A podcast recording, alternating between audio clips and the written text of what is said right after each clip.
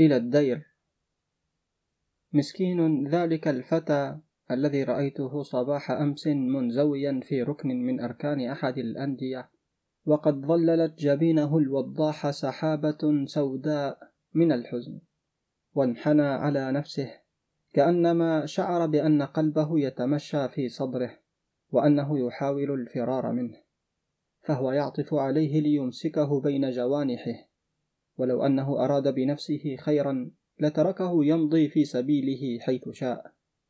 فبعدا لقلب لا يسكن عن الخفقان ولا يفيق من الهموم والأحزان. سألته ما بالك أيها الصديق؟ قال لا شيء. قلت أنت تكتمني ما في نفسك ولو عرفتني ما كتمتني. قال ما جهلتك مذ عرفتك. ولكني أعطيت الله عهدا مذ خلقت ألا أشكو إلا إلى من أرجو عنده البرء وما أنا براج عندك ولا عند أحد من الناس برءا من دائي قلت هبني طبيبا والطبيب وإن كان لا يشفي إلا نادرا فإنه يسكن غالبا ويعزي دائما. فأنا إن عجزت عن معالجتك فلا أعجز عن تعزيتك. على أن الماء إذا اشتد غليانه احتاج إلى التنفيس عنه وإلا طار بالقدر طيران الهم بالصدر. فأصغى إلى كلماتي واستخذى لها. وأنشأ يحدثني حديثا تمازجه العبرات وتقطعه الزفرات ويقول زوجني أبي منذ سنين من زوجة جاهلة غبية لا تفهم من معنى الزواج إلا أن فيه قضاء لبناتها. وترفيه عيشها وإرضاء نفسها.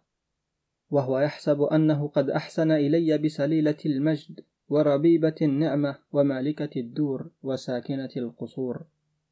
أجل إنها ذات مال وفير وخير كثير ولكن ذهب عليه غفر الله له. أني ما كنت أريد أن أكون تاجرا أكسب مالا بل زوجا أجد بجانبي نفسا يؤنسني محضرها ويوحشني مغيبها. ومرآة صافية نقية أتراءى فيها فتريني نفسي كما هي لا تكذبني في خير ولا شر. إني أريد أن أجد في الزوجة التي أتزوجها صديقا في المرتبة العليا من مراتب الصداقة. من لي به في امرأة تجهل حتى إرضاع طفلها ولبس ثوبها على أن ثروتها ما كانت تقوم بحاجتها.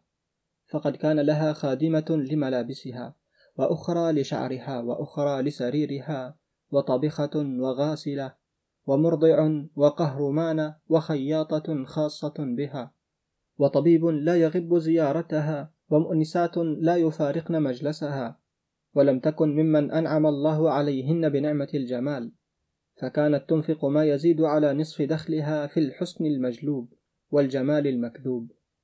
وليتها كانت تغفل أمري وتتركني وشأني فأستطيع أن أتناساها وأعد نفسي من العزاب تخيلا وتقديرا بل كانت تقيم من نفسها ومن هذا الجحفل اللجب المحيط بها حرسا كحراس الليل وجواسيس كجواسيس الإنجليز يراقبن مواقع نظري ومواطئ قدمي لتعلم أين مذهب قلبي ووجهة نفسي. فتغار علي من الكوكب إذا رأتني أنظر إليه وتكاد تمزق الثوب الذي أحبه وأتعشق لبسه وتحسبها آهة الوجد أو دمعة الحب إذا رأتني أتأوه من آلام عشرتها أو أبكي لعظم مصيبتي فيها. وما هي بغيرة الحب ولكنها الأثرة قبحها الله وقبح كل ما تأتي به. وأكثر ما كان يغيظني منها أنها ما كانت تفتح علي باب الحساب على اللافتات والخطوات إلا في الساعة التي أريد أن أخلو فيها بنفسي أو بكتابي فما أكاد أنتفع بواحد منهما فإن سكت أغضبها سكوتي وإن نطقت أغضبها حديثي وإن قرأت في كتابي ظنت أن المؤلفين ما ألفوا الكتاب إلا نكاية بالنساء. لكي يتخذها الرجال معتصما يعتصمون به من محادثتهن ومسامرتهن. فكان الكتاب في نظرها أعدى أعدائها وأبغض الأشياء إليها. وجملة القول إنها ما كانت تستطيع أن تتصور إلا أن الله خلقها لتكون طفلة لاهية لاعبة في جميع أطوار حياتها وأنه ما خلقني إلا لأكون زينة مجلسها. ودمية قصرها وأداة لهوها ولعبها. فلا أقرأ ولا أكتب ولا أعطي نفسا حقا من حقوقها. ولا أبكر لمزاولة أعمالي ولا أسأم أحاديثها الطويلة المملة التي لا تشتمل إلا على نقد الأزياء واغتياب النساء. فإن وافيت رغبتها فذاك وإلا استحالت في لحظة واحدة من إنسان ناطق إلى وحش مفترس. فلا تعرف كلمة مؤلمة لا تسمعنيها ولا تترك وسيلة من وسائل التنغيص لا تهجم بها علي.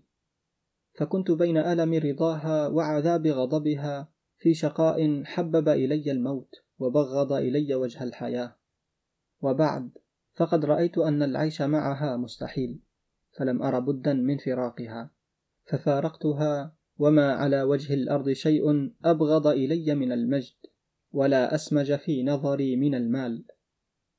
قلت ولكني لا أزال أراك حزينا بعد ذلك. قال نعم لأنني نفضت يدي من الزوجة الجاهلة ورحت أفتش عن الزوجة المتعلمة. وقلت ليكونن لي من الشأن في الزواج الثاني ما لم يكن لي في الزواج الأول بعدما صار إلي الخيار. وبعد تلك التجربة وذاك الاختبار. فهيأ لي الحظ جارا ملاصقا. ما زلت أسمع مذ حل في جواري أن في بيته فتاة جميلة. ما زال يعنى بأمرها حتى خرجها وأدبها. فأصبحت نابغة مدرستها وسيدة أترابها علما وفضلا وتهذيبا وأدبا. فما قنعت بالخبر حتى خالطت أباها ثم خالطتها. فإذا المرأة الجديدة من جميع وجوهها فوقعت من نفسي أحسن موقع وحلت مكانا لم يكن حل من قبل. خطبت الفتاة إلى أبيها فما لبث أن أخطبني فامتلأ قلبي فرحا وسرورا. وخيل إلي أنني أرى في سماء الآمال نجما لامعا يدنو مني قليلا قليلا. وسجلت أن الدهر أنشأ يكفر بحسناته ما أسلف من سيئاته. فإني لكذلك وقد أعددت للبناء بها عدته ولم يبق بيني وبينه إلا يوم واحد. وإذا برسول البريد قد جاءني بهذا الكتاب. فهاكه فاقرأ. فإن فيه بقية قصتي وسر نكبتي. ثم ألقى إلي بغلاف معنون باسمه. فوجدت فيه بطاقة تشتمل على رسم فتى حسن الصورة والهندام يخاصر فتاة جميلة. وقد ألقت برأسها على كتفه.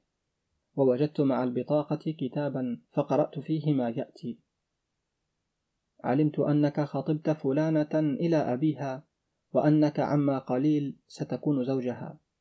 ولعمري لقد كذبك نظرك وخدعك من قال لك إنك ستكون سعيدا بها فإنها لن تكون لك بعد أن صارت لغيرك.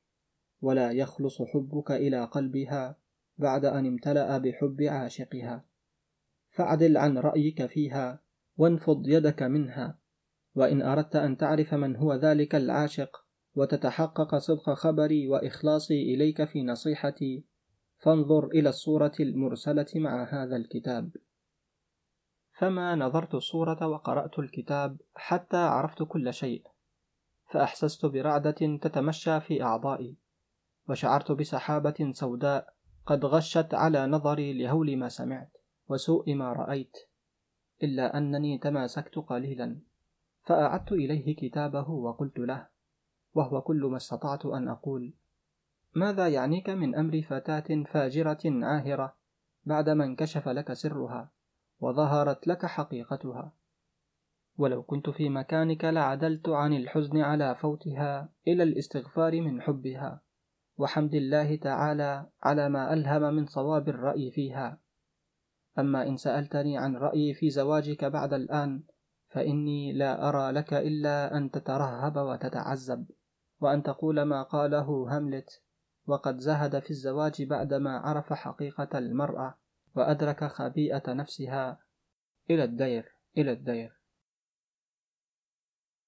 من كتاب النظرات لمصطفى لطفي المنفلوطي. عزيزي متابع قناة كتب وروايات عبد الباري الطشاني. الآن يمكنك دعمنا للاستمرار في تقديم المزيد ولتحسين جودة المحتوى سواء على بيبال أو يمكنك الاشتراك معنا على منصة باتريون التي نشارك فيها معك محتوى حصريا. كما لا تنسى متابعتنا على منصات التواصل الاجتماعي. وللاستماع للكتب مباشرة تابع البودكاست الخاص بنا. ستجد كل الروابط بالوصف بالأسفل.